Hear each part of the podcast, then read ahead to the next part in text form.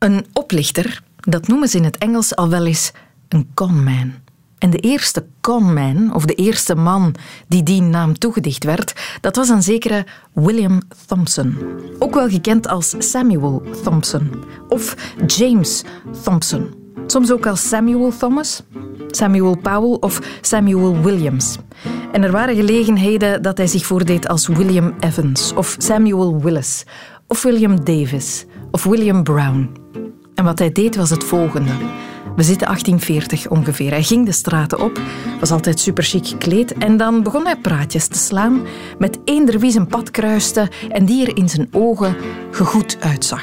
Hij was super vlot in de omgang en op een bepaald moment vroeg hij dan: Vertrouwt jij mij goed genoeg dat ik uw horloge één dag mag bijhouden? Morgen zien we elkaar hier terug, exact op deze plaats, en dan geef ik uw horloge terug. En de mensen deden dat in alle vertrouwen, want ja, hij was zo vlot, hij zag er zo netjes uit. En de volgende dag kwam William natuurlijk niet opdagen. En dat heeft hij dus vele maanden kunnen volhouden vooraleer hij gepakt werd. En omdat hij zo expliciet telkens beroep deed op mensen hun vertrouwen, noemden ze hem de confidence man. Of korter, conman. Een begrip dat vandaag dus nog altijd bestaat. En over dat soort figuren wil ik het graag eens hebben over oplichters. Welkom in de wereld van Sophie.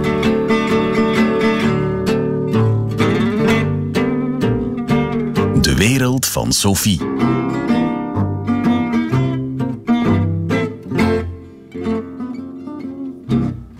Hollywood Con Queen, dat is nog zo'n verhaal. De oplichterskoningin van Hollywood. bestaat een schitterende podcast over in de reeks Chameleon. Dat is een vrouw die honderden schminksters, personal trainers, cameramensen in Hollywood overtuigt om voor haar voorbereidingen te gaan treffen voor een nieuwe blockbuster in Jakarta. En daar ter plekke aangekomen blijkt dat eigenlijk allemaal één grote farce te zijn. Het is heel goed, het zit bomvol verrassingen, die Hollywood Con Queen. Maar eigenlijk zijn er zot veel goede reeksen over oplichters deze dagen. Je hebt de Puppet Master, die Ultimate Conman, dat is ook bangelijk op Netflix. Tinder Swindler over datingfraude en Inventing Anna, nog zo'n reeks. Over Anna Sorokin, dat is ook waar gebeurd. Hè? Sorokin dook op haar 22e plots op als Anna Delvey in de mode- en de kunstscene van New York. En ze deed zich daarvoor als een steenrijke miljonairsdochter met Duitse roots. Maar het bleek allemaal fake. En vijf jaar geleden werd ze veroordeeld voor fraude.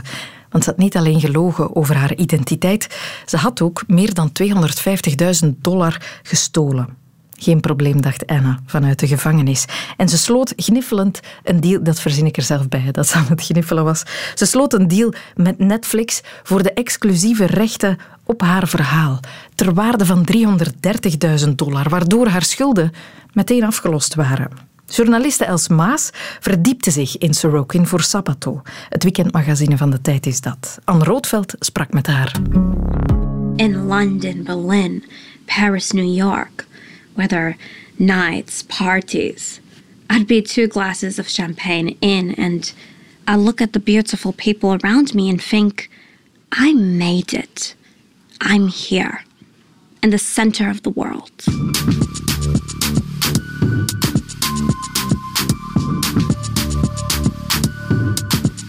Wie is Anna Sorokin of Anna Delvey, zoals ze zichzelf liever noemde? Dat is meteen een heel moeilijke vraag waar niemand echt heel erg goed het antwoord op lijkt te kennen. Een van de enige zaken die we echt over haar weten is dat ze geboren is in Rusland, in een stadje niet zo ver buiten Moskou. En dat het gezin is geëmigreerd naar Duitsland, waar ze maar moeilijk kon aarden. Ehm, dat ze eh, heel erg geïnteresseerd was in mode en in kunst. En dat zij een soort droom bestaan voor zichzelf heeft gefantaseerd. Ze, ze verslond modebladen bijvoorbeeld. En uh, is er wel in geslaagd om een stageplaats te veroveren bij Purple, een modeblad in Parijs. En daar heeft zij de kans gekregen om naar de modeweek in New York te trekken.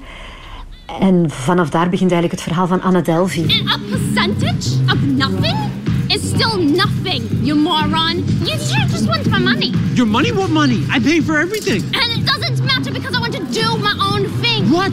What thing? I don't know yet. I don't know. I, I something big, something that's whose minds. Het heel aanlokkelijke idee, die American Dream, het rag to riches idee, dat is nog steeds de kern van heel veel uh, sprookjes en, uh, en succesverhalen. Het heel aanlokkelijke idee dat je leven niet bepaald wordt door je afkomst, maar dat elk individu zijn of haar eigen lot kan bepalen. Dat je puur op eigen verdiensten eender wat kan bereiken, uh, los van waar, waar je wiegje stond.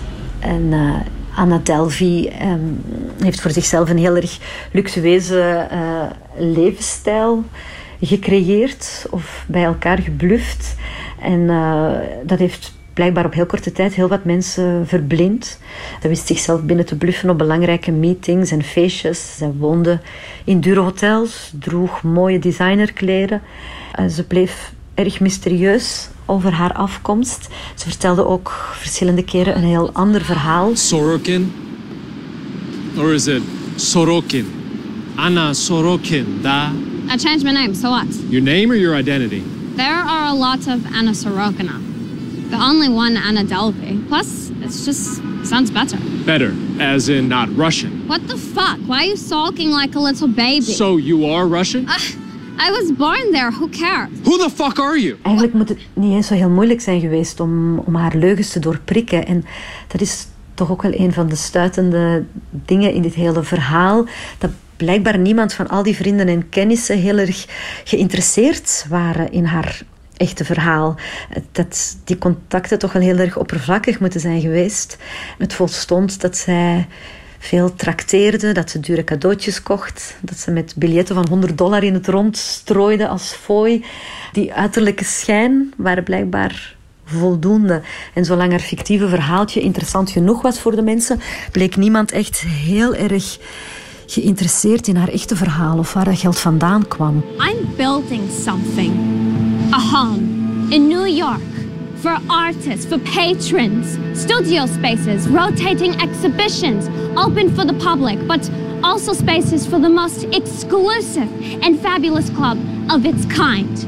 It will be the pinnacle of the global art world, and I will stand at the top of it. Ja, ze had een, een soort idee opgevat om een Anna Delvey Foundation op te richten.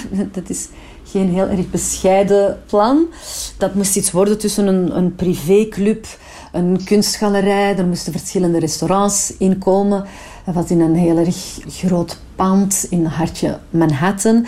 Dus het lijkt echt een heel erg megalomaan plan. Maar ze slagen er wel in om heel erg veel meetings vast te leggen met ja, belangrijke mensen, uh, grote namen, architecten, restauranthouders enzovoort, die allemaal mee aan boord waren. You can't fucking do this. Let's take this to No, I'm not going anywhere. Fix my key. Let me in my room.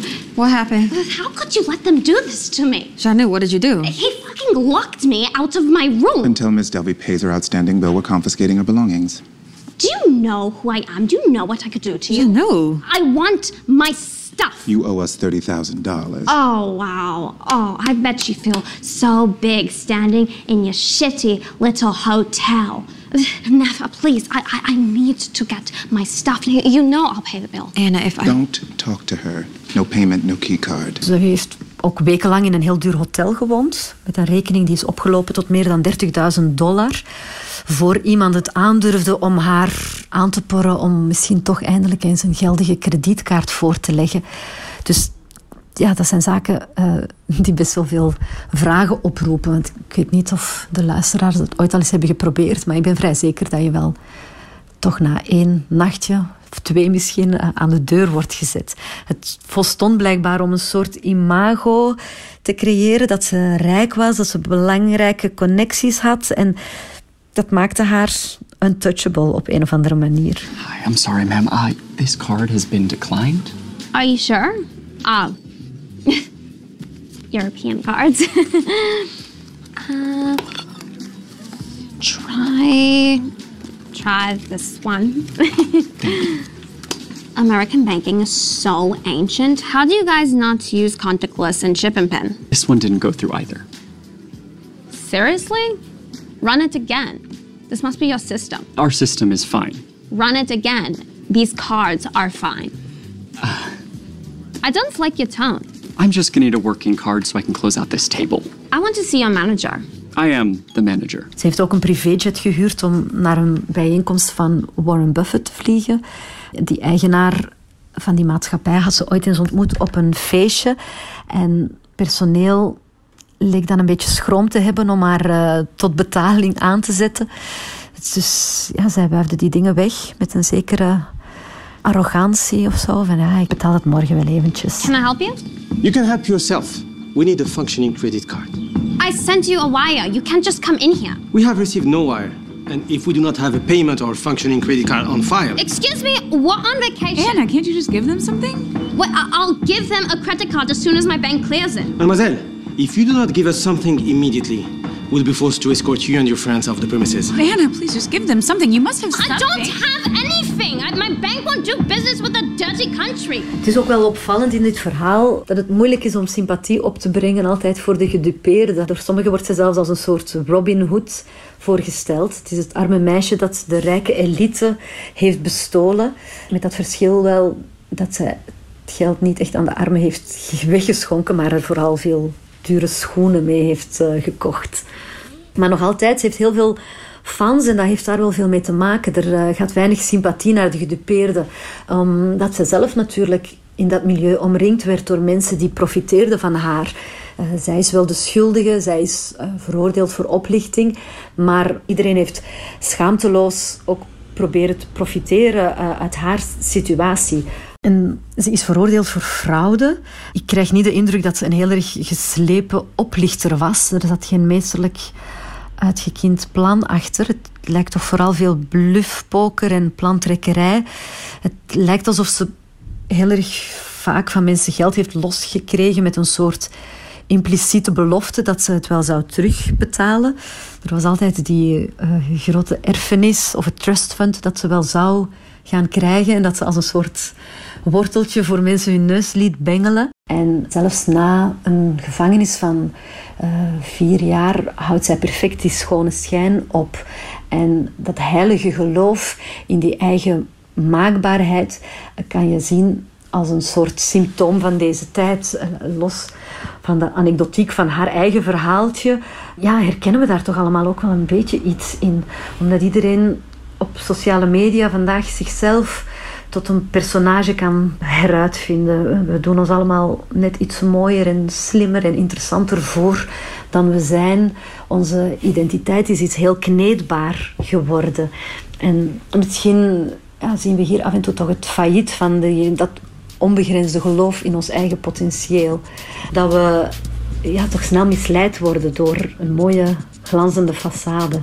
We zijn in fictie gaan geloven, in verhalen en, en zien niet meer altijd de realiteit die erachter schuilt. Anna was cold and unapproachable, always unavailable. She never texted back. She didn't care what other people thought, and she wasn't interested in anybody else but herself.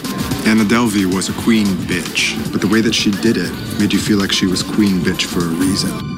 Els Maas, journaliste voor Sabato van de tijd, over oplichtster Anna Sorokin, die trouwens na vier jaar gevangenis weer vrij kwam om vrijwel meteen terug in haar oude levensstijl te vervallen. En dus zit ze nu opnieuw vast, wachtend op uitwijzing omdat haar verblijfsvergunning voor de Verenigde Staten verlopen is. Onverbeterlijk, zo blijkt.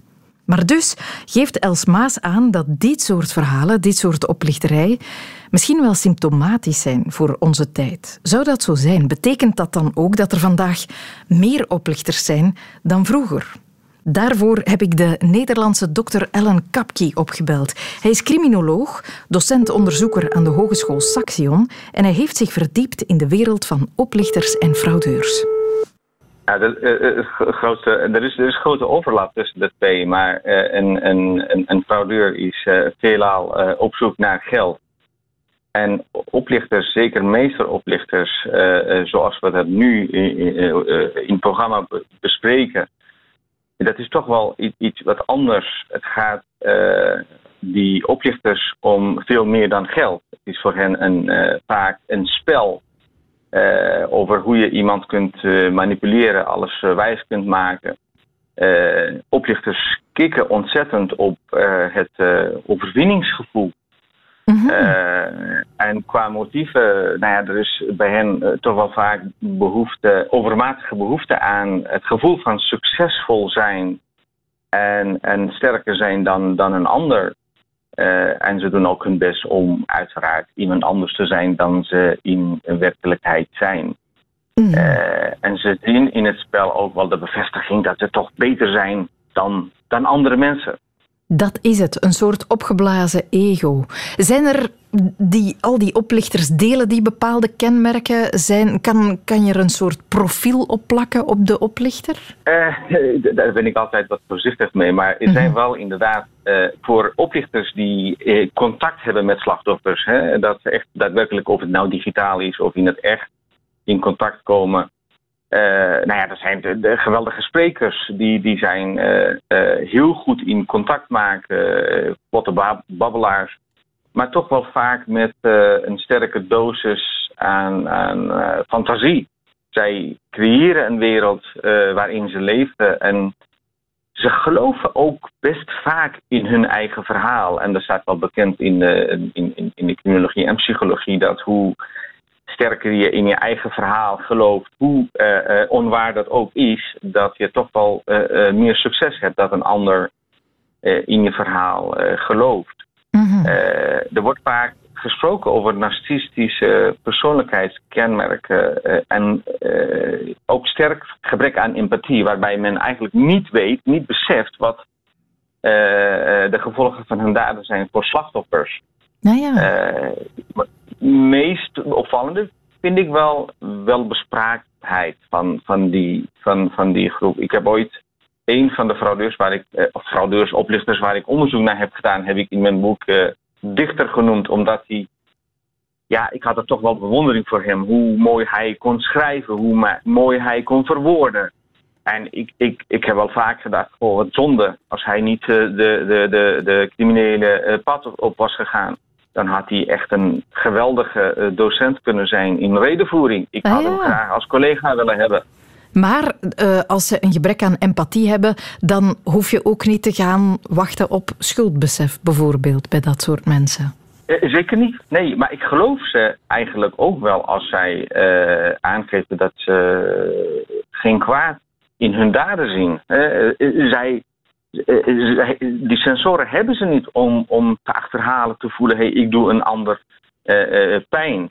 Maar helaas zijn er toch wel weinig onderzoeken naar de psyche van, van, van oplichters beschikbaar. En gek genoeg een aantal uh, onderzoeken die ik heb gezien, daar heb ik ook wel om gelachen. Dan, dan je kent het levensloop van zo'n zo'n oplichter, je weet wat hij gedaan heeft. Dan zie je dat hij eigenlijk in staat is om de psycholoog en reclasseringswerkers ook om de tuin te leiden. Maar ja. Uh, dat, dat is wel heel erg bijzonder.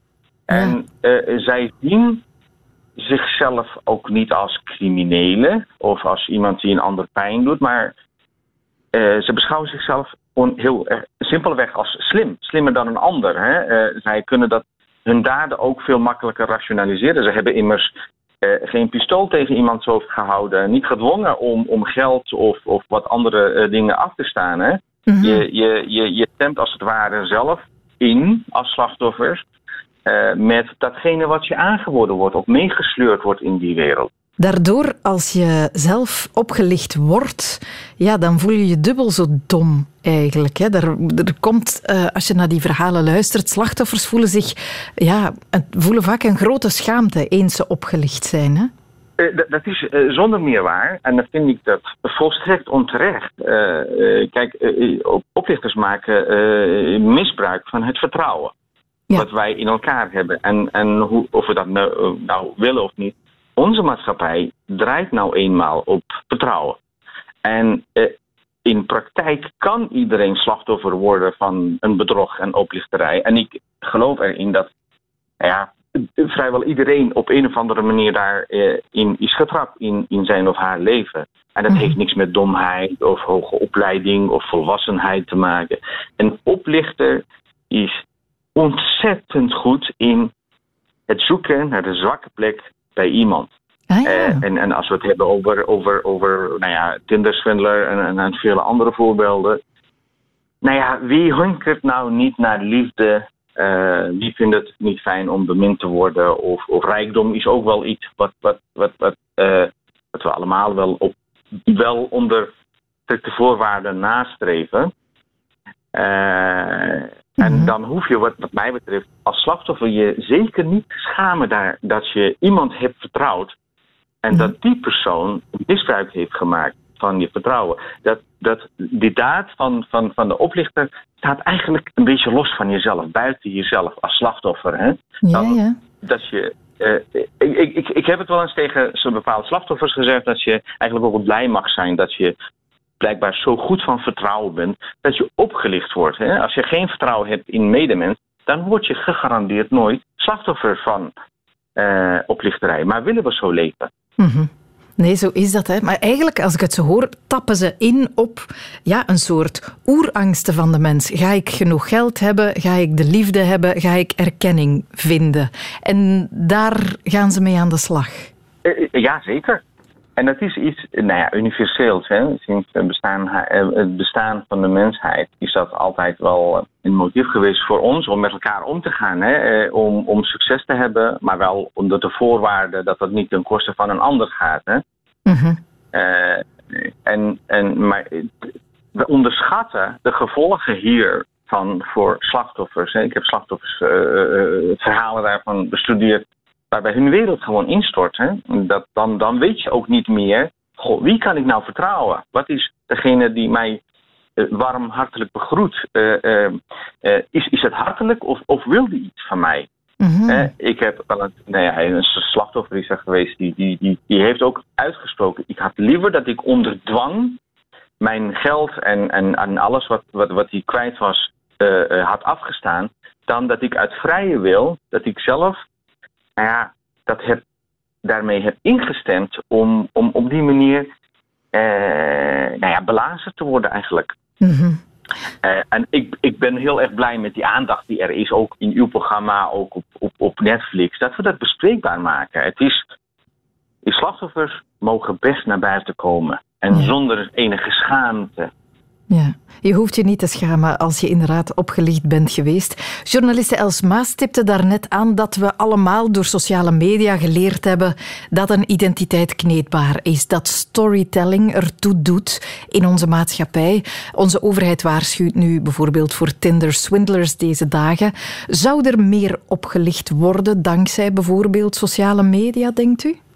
Nou ja, sociale media biedt, een, een groter podium. Je kunt eh, bij wijze van spreken, wat ook best in de praktijk vaak gebeurt, vanuit Nigeria zitten en in, in België iemand eh, eh, oplichten. Maar ik denk tegelijkertijd, het feit dat er nu meer naar buiten komt, wil ook niet zeggen dat er toch wel veel meer gebeurt. Eh, ik denk dat wij, eh, dat, dat is een, een trend gaande, dat, dat wij ook ons steeds minder schamen. Dat zie je ook bij nou ja, ongewenste eh, omgangsvormen, waarbij dat ook wel naar, naar buiten komt.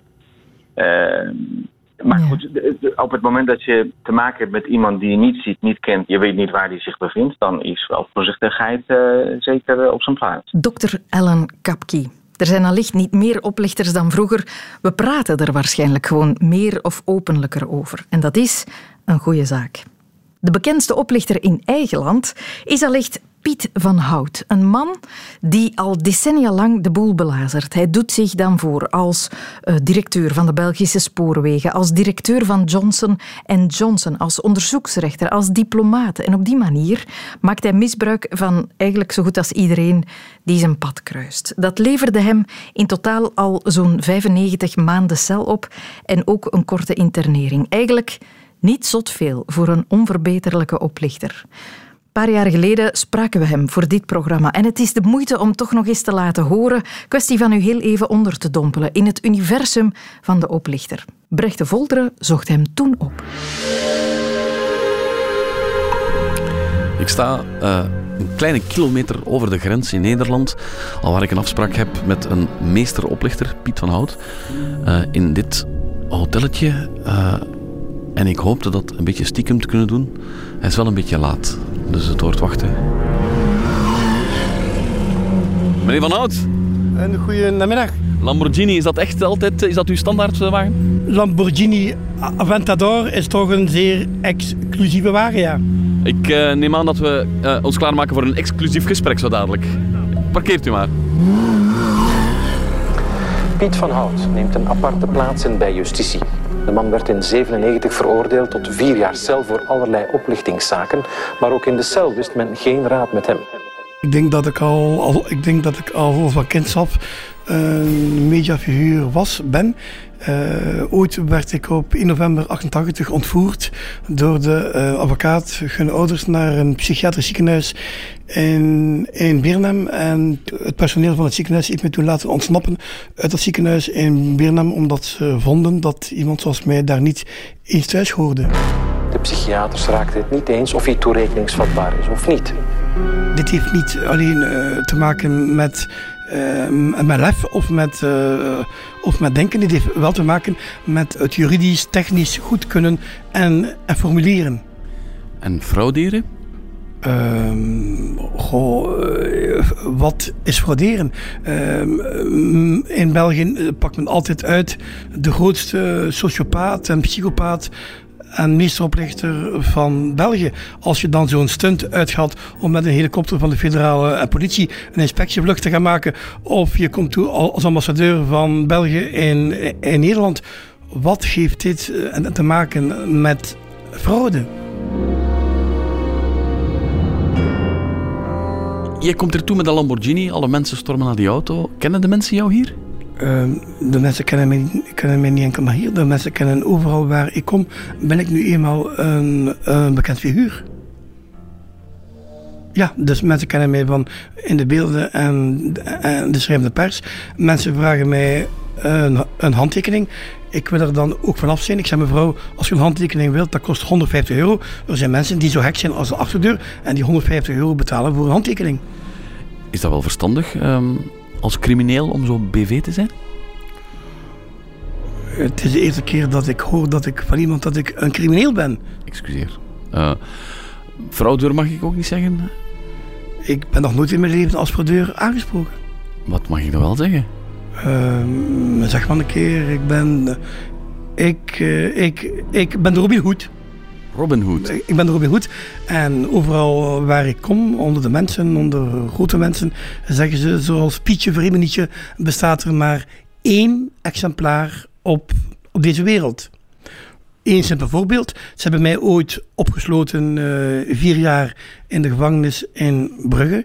Ik zweerde dat ik nooit overdag in mijn cel zou zitten. S'nachts moet je toch slapen. Dus ik heb het voor elkaar kunnen krijgen om iedere dag van s morgens 7 uur tot s avonds 21.30 uur al de vrouwelijke um, advocaten uit te nodigen in de uh, advocatenzaal in, in Desbrugge.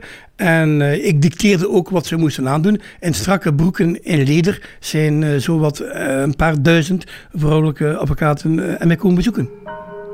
Een paar duizend? Kan u meedelen, in totaal zal dat ongeveer een 4195 vrouwelijke uh, advocaten mij in lederen broeken zijn komen bezoeken.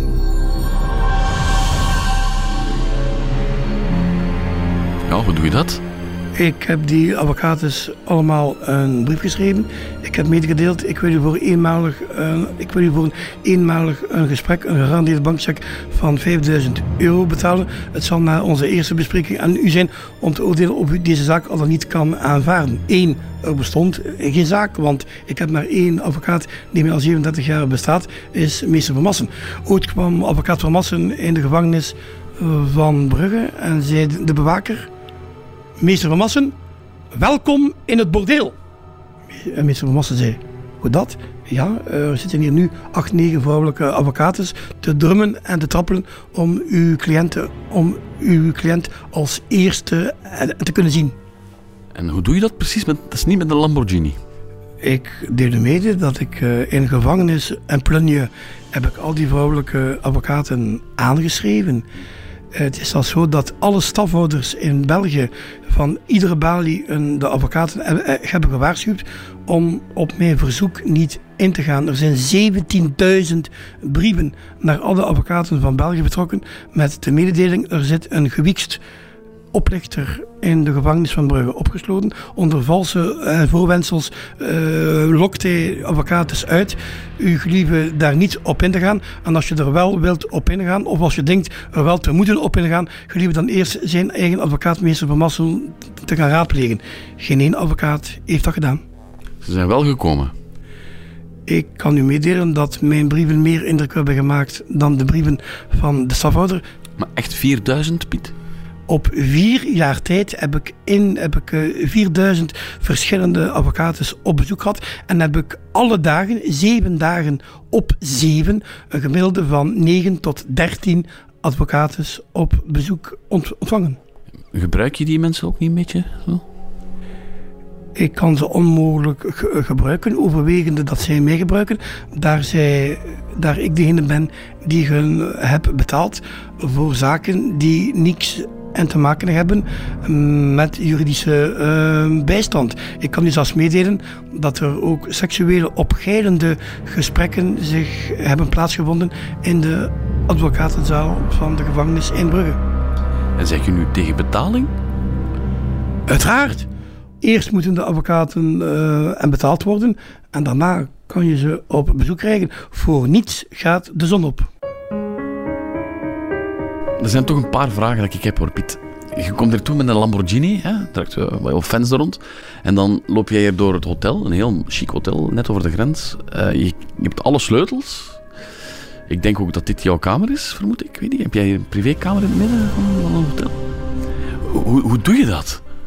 Overal waar ik kom, kan ik, ik, kan, uh, ik kan overal binnen. Overal waar ik kom, kan ik overal binnen. Dit heeft te maken met, uh, en met vertrouwen. Ik heb totaal niks te maken met het hotel. Ik ken wel, ik, ik heb een netwerk van 9000 mensen die ik dus ken. En vertrouwen is geilig. En uh, ja, als je iemand uh, zijn vertrouwen dan ook waar bent, dan mag alles en dan kan ook alles. En weten de eigenaren van dit hotel dat ze met een meesteroplichter te doen hebben? Ehm, de eigenaren van het hotel weten heel goed dat ik uh, uitgeroepen ben tot de allergrootste meesteroplichter van Europa en van België. En liggen in een deuk van het lachen, omdat zij ook zeggen: dit is de grootste klucht van de eeuw. Piet van Hout, meesteroplichter aan het woord. Toen we deze reportage voor het eerst uitzonden, zat toevallig auteur Maarten Engels naar de radio te luisteren. En hij wist meteen dat hij het onderwerp voor zijn volgende boek te pakken had. Een boek dat inmiddels in de winkel ligt. Het Mirakel van België, zo heet dat. Piet van Hout fascineerde hem meteen. Het feit enerzijds dat hij een soort van romantisch bestaan leidt. Uh, hij is een voltijds hotelmens, noem ik dat. Hij slaapt alle dagen op hotel, elke dag in een ander hotel bovendien. Reist de wereld rond met vliegtuigen, leeft het leven van een vlierenfluiter.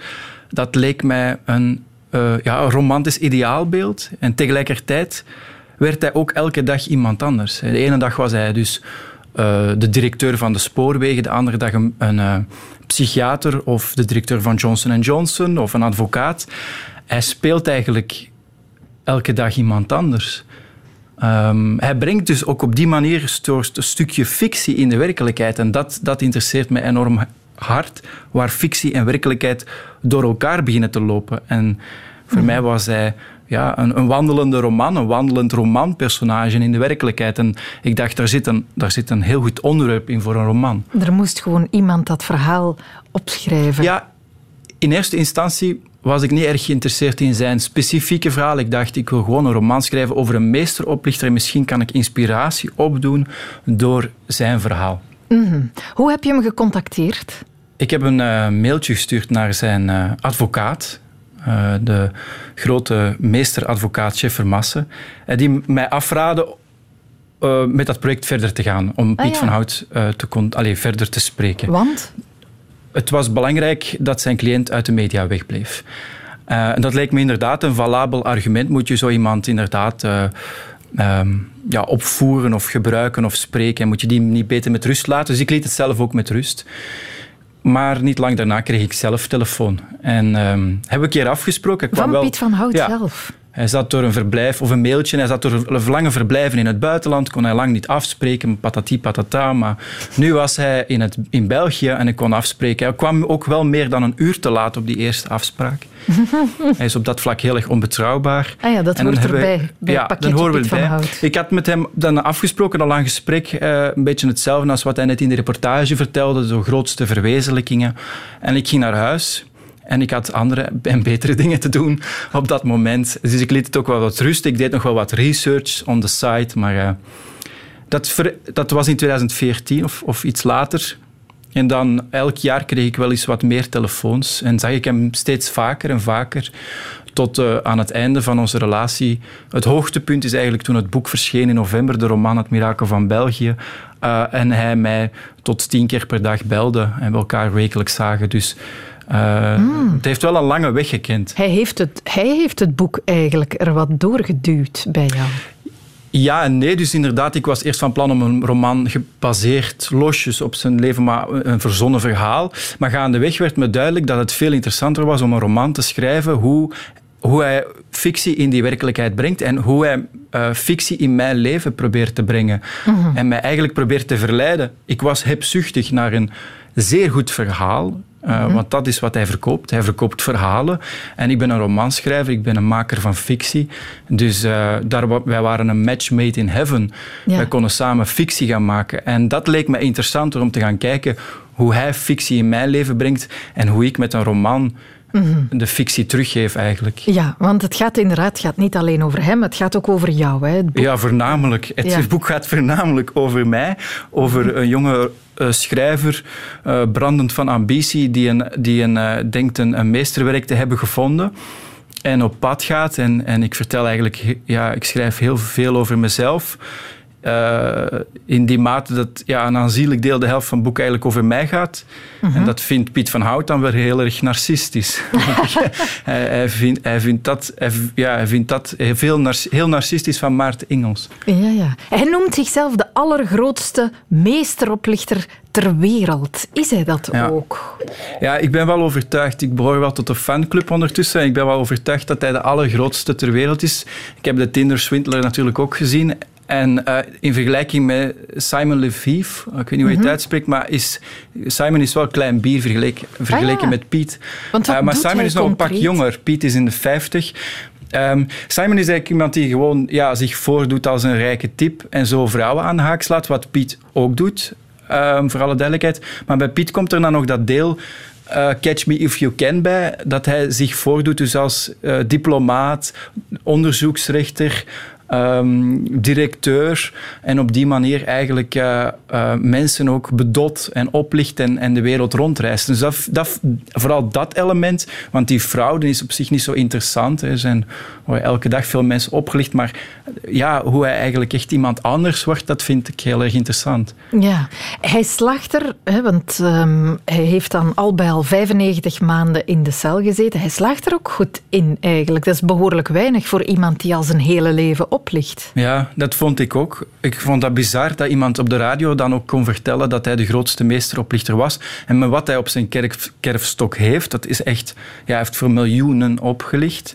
Eh, hij heeft banken opgelicht, heel veel particulieren. Hoe kan het dan dat je zo weinig in de gevangenis hebt gezeten? Hij zelf zegt dat hij zich altijd gek heeft laten verklaren, eh, zich voorgedaan met een lager IQ, eh, om zo geïnterneerd te worden. En dat viel dan lager uit, die straf. Hij is ook wel heel vaak ontsnapt uit een psychiatrisch ziekenhuis. Zij gaan lopen. Of hij kon in het ziekenhuis zelf de boel op stel te zetten. Ehm, daar heb ik ook wel genoeg getuigenissen over verzameld. Dus hij kon eigenlijk altijd zijn gangetje gaan. En in die reportage ja, eh, kwam ook aan bod dat hij in de gevangenis bleef oplichten. Dus een gevangenis of een, een, een ziekenhuis of een, de psychiatrie houdt hem niet tegen. Nee, jij hebt er nu jarenlang al contact mee gehad. Hoe ervaar jij hem? In het begin vond ik hem een, eh, een, eh, een vrolijke clown. Die, die de, eh, veel mensen vatten een vorm van sympathie voor hem op, omdat hij zo ja, tegen het systeem ingaat en eigenlijk het politieapparaat en, en, en de politici soms bedot en op zijn kop zet. En dat begreep ik wel. Ik deelde die sympathie wel. Maar hoe langer je met hem optrekt, hoe duisterder het wordt eigenlijk, omdat hij dan ja, je steeds, hij is een narcistische psychopaat en hij uh, is je constant aan het manipuleren. Eerst heb je dat nog niet door, maar gaandeweg wordt wel duidelijk dat hij uh, het overneemt van jou en um, die fictie in de werkelijkheid, die ik eerst zo fijn vond, wordt dan op den duur uh, merk je dat dat ook in je persoonlijke leven begint. Mm -hmm. Dat schrijf je, dat je verandert uh, tijdens het proces van jager in prooi. Ja, um, gaandeweg, na een aantal jaar, werd dan duidelijk dat... Uh, ja, ik krijg op een dag een telefoontje dat hij zegt van... ik ben met jouw vrouw aan het eten in een sterrenzaak. Zij gaat, je, zij, zij gaat haar koffers pakken voor, voor mij. Ze gaat je verlaten. Of jij zit nu op je kantoor, maar ik ben ondertussen met je vrouw bezig. Huh? Of omgekeerd. En dan bekruipt je het wel... Um, ja, be, ja, dat bekruipt de angst je wel. Niet dat mijn vrouw me gaat verlaten, maar wel tot wat, u, wat hij eigenlijk allemaal aan het vertellen is. Of je zit in het buitenland en hij belt je op en hij zegt... Ik kan zien dat je in het buitenland bent. Mijn camera's volgen je doen en laten. Um, dat is griezelig, zelfs al weet je dat het een oplichter is. Ja, en dan uh, ja, op een dag belt hij om te zeggen dat hij zijn naam laat veranderen in Maarten Engels. Ja, dat telefoontje, dat hebben we. Luister even mee. Goedemorgen. U spreekt met de heer Maarten. Ik heb mijn naam laten veranderen in Maarten Engels. U gelooft het of u gelooft het niet, maar het Rijksregister sta ik vermeld als Maarten Engels. Bah. Ja, het is uh, je denkt nog, dit is om te lachen. Maar als er zich heel veel van die, van die telefoontjes zich opstapelen, dan uh, wordt het wel duidelijk dat het, dat het niet meer om te lachen is. Omdat ik ook wel ja, genoeg mensen heb gesproken in wiens naam leningen zijn afgesloten door Piet. Of uh, hij kan tot op de cent na de komma het saldo van je bankrekening zeggen. Daar heb ik ook verschillende getuigenissen van. Um, en op een dag krijg je dan telefoon van je uitgever om te zeggen dat de heer Piet van Hout een 10.000 euro voorschot uh, wilt terugvorderen. En dat zijn telefoons die je eigenlijk niet meer uh, wilt krijgen, want je weet niet wat hij achter je rug allemaal aan het doen is. Ja, heeft hij je ook financieel opgelicht? Nee, dus ik, ik ben eigenlijk niet, niet, zo erg geïnteresseerd in geld. En ik heb eigenlijk ook niet zoveel geld om weg te geven. Maar hij heeft natuurlijk wel heel veel van mijn tijd ja, ja. gekost. En we ja. hoorden daarnet, we spraken uh, met dokter Alan Kapke over het profiel van de oplichter. Hij vertelde toen dat een oplichter haast blindelings iemands zwakke plek weet te vinden. Wat was jouw zwakke plek? Waar heeft hij jou opgepakt? Ja, een, een, een goed verhaal. Hè. Dus, dat, dat geef ik uh, grief toe in het boek ook. Want ik, er is een heel metafictioneel stuk literatuur over wa, waar, waarom was ik eigenlijk geïnteresseerd in, in die meesteroplichter. En dat is dat, dat goede verhaal. En ik wilde eigenlijk ook dat, dat verhaal van hem uh, ontrafelen om te zien hoe hij eigenlijk een meesterverteller is. En ik weet nu achteraf hoe hij het speelt. Hij doet je natuurlijk voelen alsof je uitverkoren en uniek bent. En ik betrapte mezelf op de gedachte van waarom ben ik... Dit is de Catch Me If You Can van de lage landen van Europa. Hoe kan het dat niemand mij voor is geweest? En hij doet je ook wel uitverkoren voelen door dat soort van verhalen te vertellen van ja... Uh, wat ik nu aan jou ga vertellen, dat weet niemand, dat weet zelfs mijn advocaat niet. Of uh, morgen kom ik met een, een, een anekdote of een, een stunt of een frat. Dat alleen al ga je kunnen verfilmen. En uh, zo houdt hij je steeds meer aan het lijntje en ben je steeds langer mm -hmm. uh, met hem onderweg. Die schaamte waar veel slachtoffers van grootschalige oplichterij uh, over spreken, is dat ook iets wat je herkent? Dat je op een bepaald moment jezelf betrapt van, je toch... Nu zit ja. ik vast in zijn klauwen. Ja, op een bepaald moment denk je ook gewoon, ik kan niet meer terug. Ik was daar al jaren aan bezig, uh, aan dat boek. Uh, probeer een roman te schrijven over die ervaring die ik had met die meesteroplichter. En op een bepaald moment besef je, maar dit is allemaal gebakken lucht uiteraard. Hè? Dus het is, maar het is fictie. Dus, maar je kan niet meer terug, want je hebt zoveel tijd geïnvesteerd, zoveel research gedaan, uh, dat je ook besluit van, ik zit tot aan mijn middel in het drijfzand van die, van die oplichter. En dan, dan heb ik besloten van oké, okay, dan moeten we maar uh, all the way gaan, all in. Mm -hmm. besloten om hem echt tot in het, de kern van zijn universum te proberen volgen. En dat is ook wel gelukt. Op een bepaald moment heeft hij precies de deur voor onbevoegden opengezet en mij een inkijkje gegeven in hoe hij het doet. En dan zijn we samen naar Amsterdam gegaan, want hij is vooral actief in Nederland nu. En heb ik gezien en was ik erbij hoe hij zich voordoet als neuropsychiater, hoe hij als directeur van Johnson Johnson mensen oplicht. Ik zat in een woonkamer bij een vrouw die 800.000 euro geeft aan hem. Dus ik moest gewoon heel diep duiken in die wereld. En ehm, het, de schaamte van die slachtoffers, die, die schaamte heb ik ja, ook bij mezelf herkend. En, en daarover heb ik ook geschreven van... Mhm. eh, er is niks... eh. Ik heb ook gemerkt dat bijvoorbeeld zo'n zo'n meesteroplichter zoals Piet eigenlijk een tota- zelf ook een totaal gebrek aan schaamte heeft. En daardoor onaantastbaar is, onaanraakbaar. Want wie geen schaamte heeft, kan niet geraakt worden. En Mhm. ik dacht, dat moet ik overnemen van hem. Ja, en die kan voort van het ene slachtoffer naar het Mhm. andere. Heel bijzonder, hè? hoe je toch, als je die verhalen hoort, een soort sympathie krijgt voor dat soort figuren van wat een deksels rakker, terwijl het wel echt een crimineel is. Hè? Ja, en waarom zitten we voor de televisie te roepen, of ik ook naar de slachtoffers van Piet, van eh, ja, maar hoe kon je zo stom zijn? Eh, wij hebben meteen sympathie voor de oplichter en niet voor het slachtoffer, want die hebben het zelf gezocht. Die hebben zelf Mhm. geld in vertrouwen gegeven. Ehm, ja, ik- het is, het is een bizarre, bizarre dualiteit. De oplichter. De meest sympathieke van alle criminelen. Gek genoeg, inderdaad. Het mirakel van België. Zo heet dat boek van Maarten Engels.